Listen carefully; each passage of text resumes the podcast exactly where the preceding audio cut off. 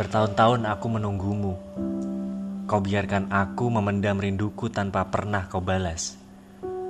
Dulu kita pernah sama-sama berjanji. Namun, tiba-tiba saja kau hilang tanpa kabar. Aku tak bermaksud meninggalkanmu. Kau harus tahu, budaya kita tidak mengizinkan kita untuk bersama. Dunia seperti tidak adil.